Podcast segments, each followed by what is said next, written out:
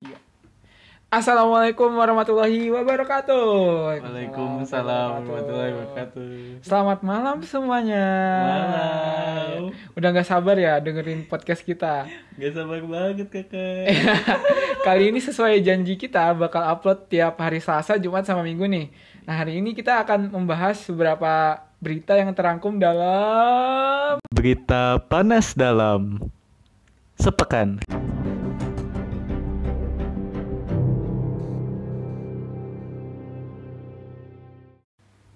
Berita pertama.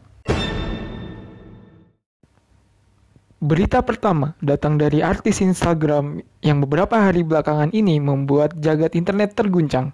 KKI yang biasanya kita kenal dengan keberanian yang membuat konten yang lebih banyak di komentar daripada di like, pada kali ini membuat sebuah video klip. Video klip tersebut berjudul KKI bukan Bunika. Dalam waktu beberapa jam, viewersnya itu sudah mencapai jutaan. Namun karena banyak komentar netizen yang menyangkut pautkan lagu ini dengan kepemilikan lagu Rini Wulandari, akhirnya YouTube pada hari Kamis atau 4 Juni 2020 menghapus video tersebut. Akhirnya, penggemar KKI menyerang Instagram Rini Wulandari. Mungkin karena Mbak Rini Wulandari kegerahan, akhirnya diangkat bicara lewat postingan di Instagram. Mbak Rini Wulandari menyatakan bahwa lagu KKI bukan boneka di take down bukan karena wewenangnya. Hal tersebut merupakan keputusan label Sony Music ID dan Novi Umar selaku pemilik hak cipta lagu Aku Bukan Boneka yang dinyanyikan Mbak Rini Wulandari. Nah jadi ini belakangan ini yang gue lihat dari uh, berita KKI akhirnya di upload lagi sama YouTube. Ya, di upload ulang. Ah. Sebenarnya kalau gue tanya-tanya nih, apa yang salah sih dari KKI kalau misalnya lu uh, ambil kesimpulan gitu? Hmm, kayaknya nggak ada yang salah gitu. Cuman KK itu ya eh, mungkin korban dari sistem gitu. Ka- karena KK itu sebenarnya penyanyi yang sangat walaupun suaranya tidak sukses, tapi karirnya sukses.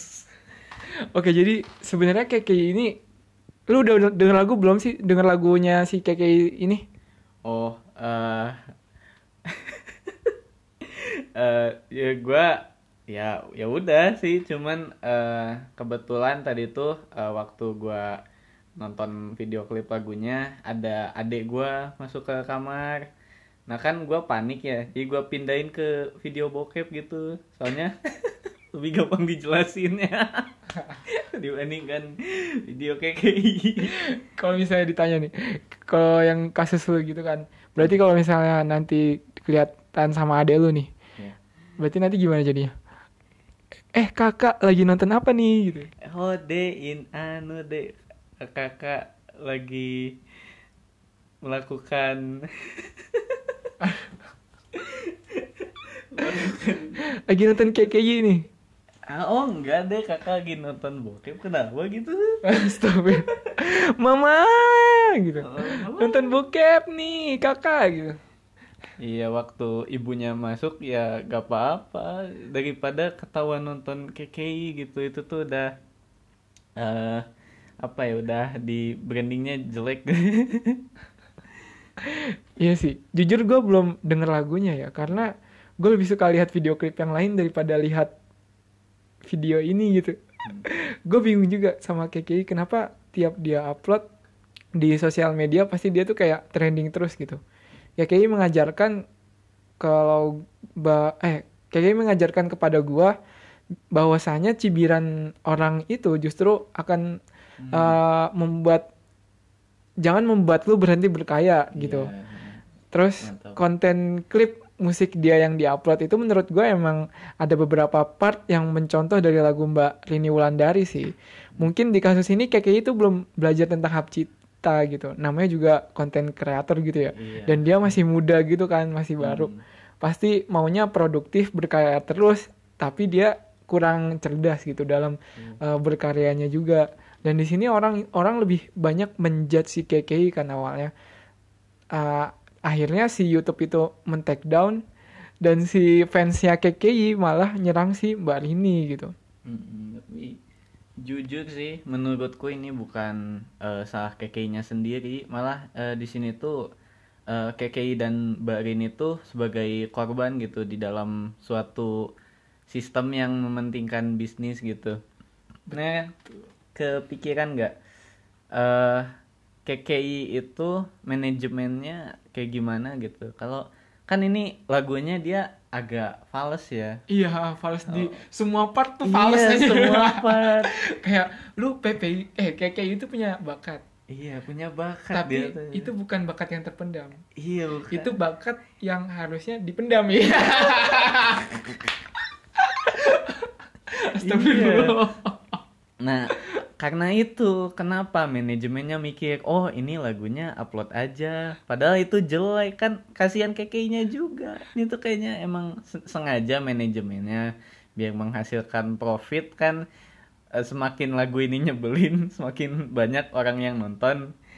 Eh, Nah, jadinya begitu. ya emang kayak kayaknya emang makin ke sini tuh kayak kayak lebih suka bikin booming lewat uh, ha- hatersnya gitu daripada Hmm. penggemarnya gitu ya.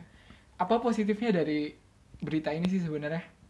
Iya, intinya bahwa kita semua eh, mau rupa kita eh mau rupa kita jelek atau eh jangan jelek apa ya kurang kurang lah intinya kita masih bisa menghasilkan sesuatu yang lebih dari diri kita gitu Eh, dan juga untuk mungkin untuk eh, mane apa manajemen KK ini sebaiknya ya lebih dewasa lah. Eh, jangan terlalu menggunakan drama-drama dengan em, memainkan hak cipta ini biar apa biar lebih viral gitu. Karena kasihan KKI-nya juga yang dikorbankan gitu sedangkan Nah. manajemennya sendiri kita belum pernah lihat ya kayak gimana orangnya Iya makanya. Iya, itu tuh seperti ada elit global gitu di balik semua ini. makanya, makanya Sony juga yang eh si Mbak Rini ini kan labelnya eh, Warner Musik ya yang dari Sony. Dulunya Sony, sekarang udah Warner. Oh, udah Warner ya. Oh, eh, jadi Warner ini kan ya eh, internasional lah. Ah, Jadi di, mereka kan wajar lah capek ngurusin semua eh, permasalahan di semua negara. Nah mereka lihat video KKI, wah menarik nih, profitnya gede, makanya judul kita. Hmm, apakah harus kita ambil profitnya? Nah itu makanya di take down oleh si Warnernya ini. Ah. Sedangkan mengatasnamakan Barini. Jadi yang kenanya Barini, tapi duitnya ya tetap ke Warner gitu. Oh, iya juga sih. itu. Tapi gue mau nambahin aja sih. Sebenarnya positifnya dari hal ini kita harus lebih banyak belajar sih. Hmm. Lebih banyak belajar memperhatikan hal detail sebelum kita mengupload ke sosial media. Iya. Masalahnya kan yang eh, di kasus KKY ini yang yang menyamakan eh, lagunya sama si Mbak Rini ini kan cuma satu lirik aja. Iya, satu lirik. Satu lirik atau judulnya. dua lirik gitu. Iya. Yang aku aku bukan bonekamu itu. Itu tuh ham- itu hampir sama kayak punyanya Mbak Rini padahal Iya. itu doang. Mm-mm. Tapi orang-orang menjudge-nya ini emang bener-bener ngambil dari Mbak, Mbak Rini gitu. Jadi ya buat KKI atau buat kalian semua kalau sebelum upload ke sosial media uh, lebih banyak perhatikan hal detail gitu. Hmm. Terus lebih baik diedit lagi se- uh, dari berbagai sisi Uh, biar uh, pokoknya intinya banyak-banyak belajar lah dan bertanggung jawab kalau misalnya udah diupload berarti harus siap tanggung jawab kalau misalnya suatu hari nanti ada yang banyak uh, komplain sama kalian gitu. Hmm. Terus negatifnya nih, negatifnya dari uh, berita kayak ini menurut gua di sini orang menjadi ambigu banget gitu. Kayak tadi yang lu bilang, Hmm. kan orang jadi bingung mana yang mau milih KKI, mana yang mau membela Mbak Rini, ma- mana mau yang membela KKI.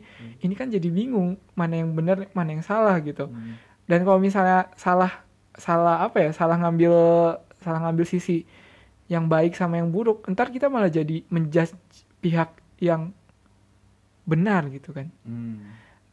Sama ya apa ya kita jadi buta buta mana yang benar mana yang salah gitu. Hmm. Menurut lu ada tambahan nggak buat negatifnya nih? Eh, jadi ya mereka berdua ini ya korban dari suatu sistem lah yang menguntungkan uh, profit. Nah, lu tahu gak kalau uh, misalnya lu udah kontroversial banget, terkenal banget, lu bisa di endorse. Iya. Di endorse Shopee.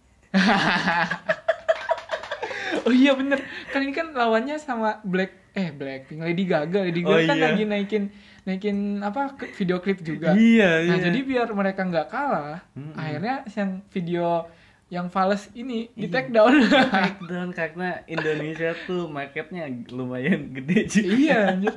menurut gua video keke ini modalnya itu lebih dikit daripada si Lady Gaga ini Iya. jadinya eh Blackpink apa Lady Gaga sih Eh dua gue double double. Oh, Collab- double ya? collab, ha. Oh ya jadi jadi kan sayang gitu kalau misalnya masa gua uh, si Warner itu udah ngeluarin duit satu miliar sedangkan si Keke cuma sat- satu juta paling gitu kan Iya. malah yang booming si KKI gitu kan Hmm. akhirnya video ini di take down Mm-mm.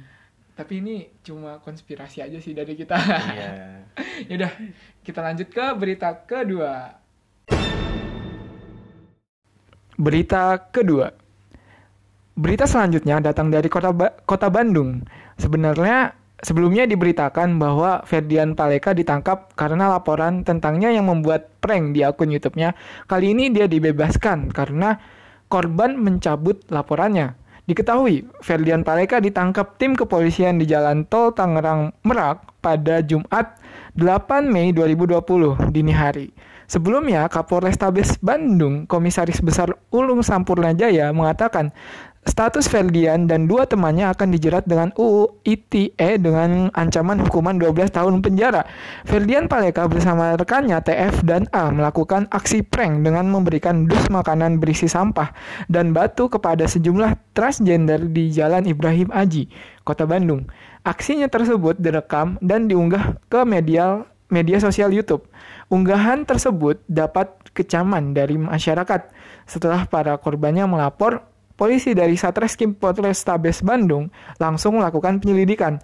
Namun setelah dibebaskan, rencananya Ferdian Paleka masih harus berurusan dengan polisi. Kali ini kasusnya dari perundungan yang terjadi kepada Ferdian Paleka eh, lalu eh, dia akan diperiksa lebih lanjut dari kasus perundungan tersebut. Polisi ingin mendalami perundungan yang terjadi kepadanya dan penyelundupan HP yang dilakukan narapidana. Setuju nggak lu kalau misalnya Ferdian Paleka dibebasin? Eh, gua eh, sebenarnya nggak setuju sih karena eh, takutnya dia keluar habis ini dan menggunakan brandingnya ini sebagai seorang mantan napi gitu buat melakukan konten-konten yang lebih wow gitu. Oh iya bener bener bener Iya. bener. Jadi nanti misalnya di jalan nih, terus habis itu dia pakai baju oranye gitu kan, Iya baju pakai. terus dia tuh kayak malakin orang gini, eh mana duit mana duit, Mana gue anak napi nih, eh gue mantan napi ini. enggak enggak gue Oh. gue narapidana gue narapidana yang bebas dari eh gue narapidana kabur nih Iya gue kabur. terus kan orang-orang pada takut Iya. terus dia bilang tapi bohong ya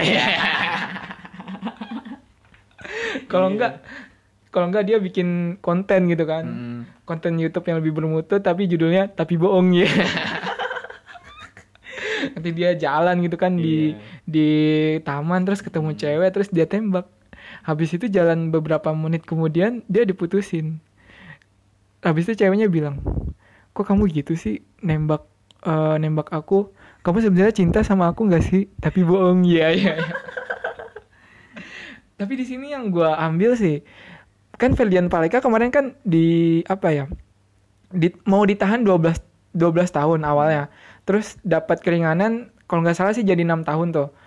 Nah habis itu dia setelah satu bulan udah sat, ya baru satu bulan langsung dibebasin gara-gara ini tuh dicabut laporannya. Eh, dari korbannya itu cabut laporan tapi Hmm. kasusnya ini masih ada lagi.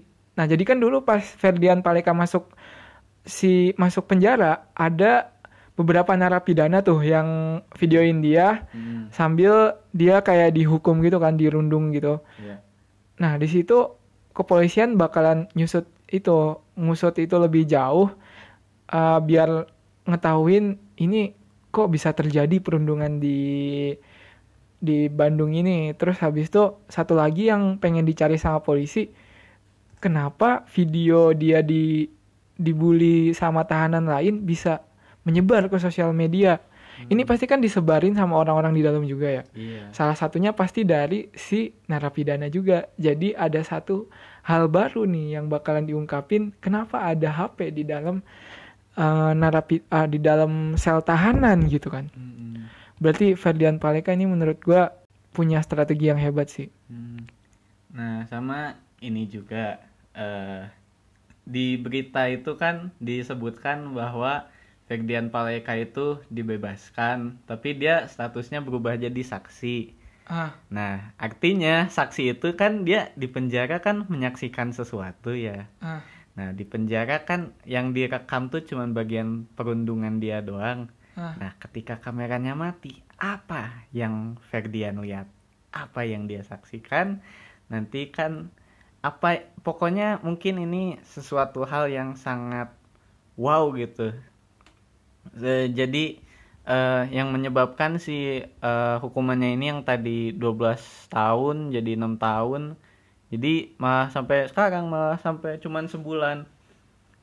Jadi eh menurut gua sih si Ferdian ini bakal jadi eh, semacam cepu lah atau informan lah untuk eh, kepolisian ini yang nanti eh, dia tuh akan melakukan eh, hal-hal yang mencurigakan di penjara tadi seperti eh, yaitu tadi eh, penyelundupan HP karena kalau HP aja bisa diselundupin apalagi yang bisa diselundupin selain HP kalau HP aja yang gede gitu bisa diselundupin. Bisa-bisa nyelundupin apa yang gede ya? Hmm? Nyelundupin apa ya? Nyelundupin Kinder Joy. Oh iya. iya kan Kinder Joy itu suatu makanan yang gak ada di penjara. Bisa jadi itu di ini bisa jadi juga Gerobak mie ayam ya. Oh, iya, iya.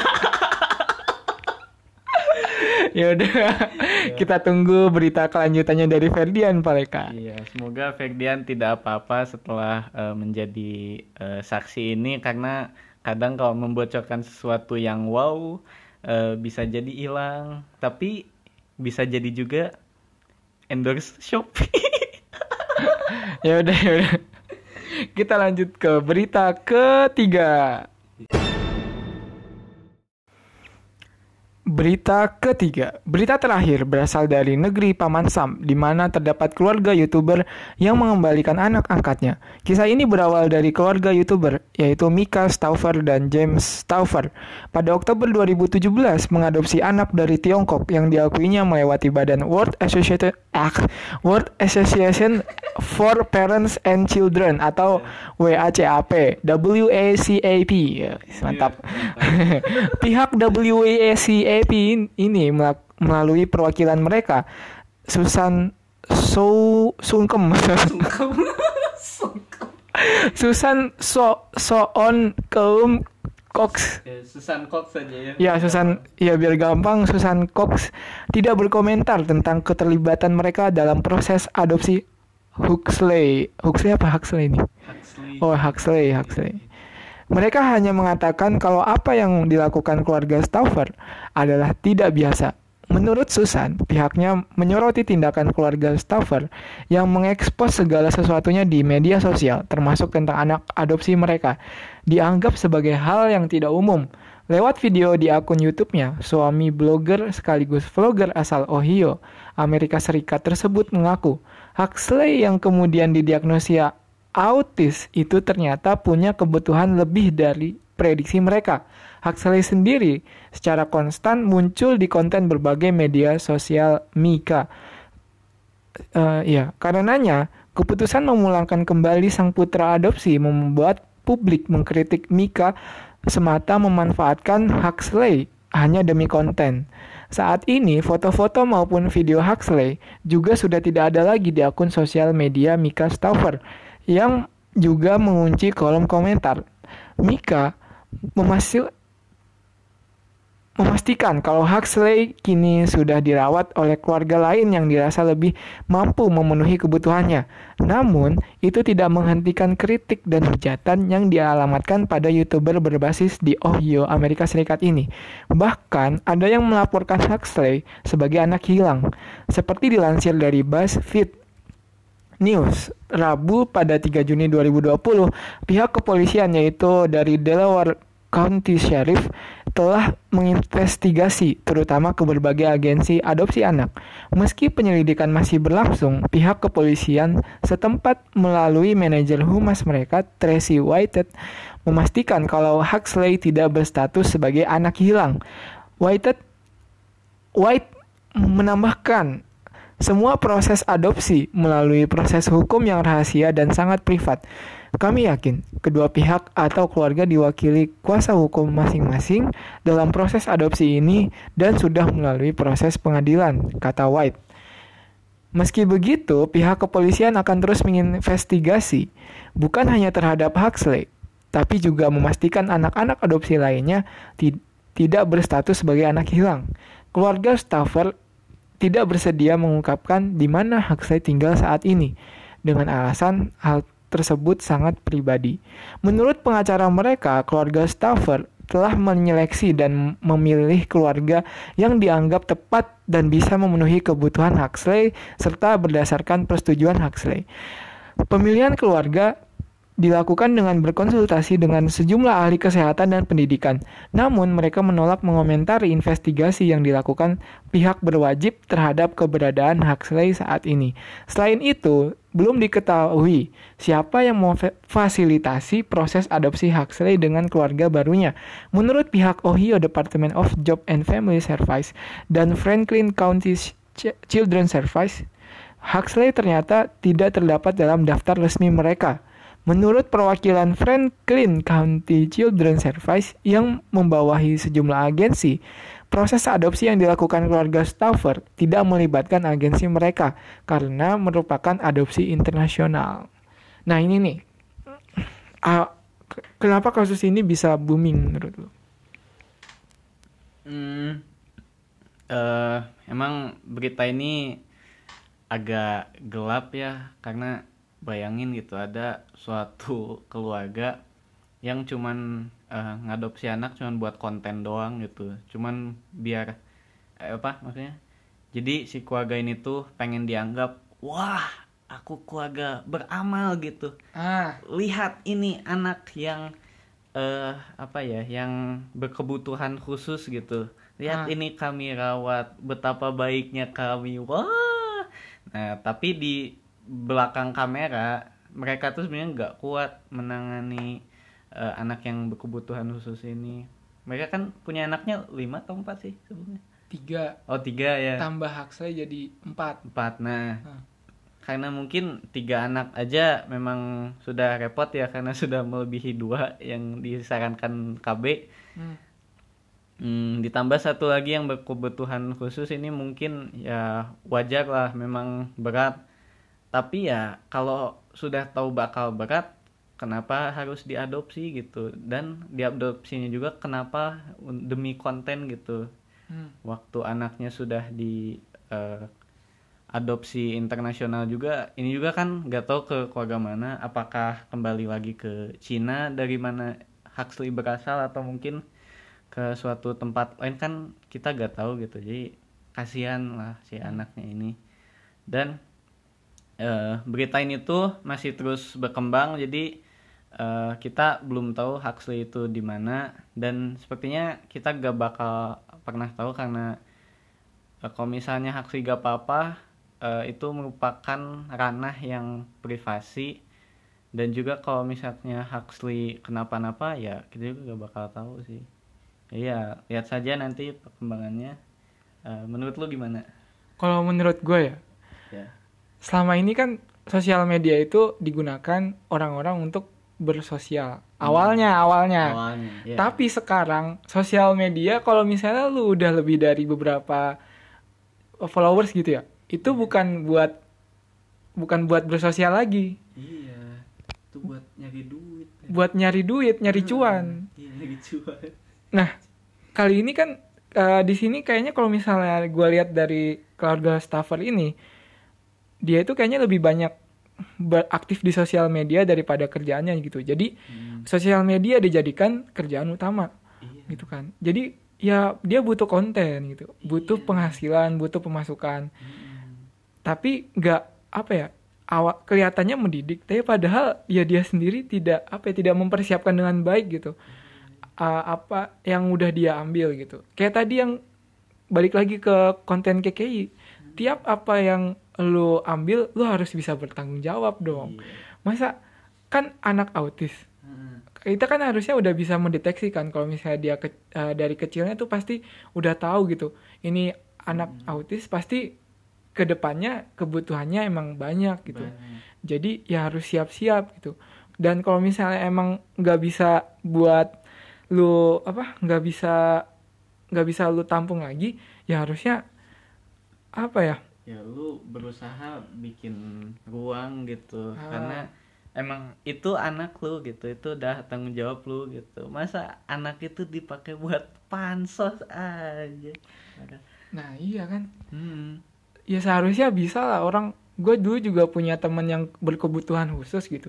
Dia nggak kaya kaya banget dan nggak kekurangan banget gitu. Tapi masih bisa hidup sampai SMA orang tuanya masih bisa membiayain dia. Hmm. masa dia yang si sta- keluarga staffer ini punya uh, penghasilan dari YouTube gitu kan dari sosial media masa nggak bisa menghidupi ini gitu? Iya. Mungkin karena mereka itu kan 24/7 pansos ya. Kalau misalnya giliran membuat keluarga yang benar wah tidak bisa. Aku hanya tuh membuat konten gitu. Ya udahlah. Tapi yang di sini yang gue bingungin juga keluarga staffer ini nggak mau terbuka sama umum gitu. Jadi Hmm. umum itu makin apa ya makin punya curiga, curiga gitu. sama si keluarga staffer ini. Ini Huxley ini sebenarnya anak hilang apa enggak gitu. Dia u- masih punya keluarga atau enggak?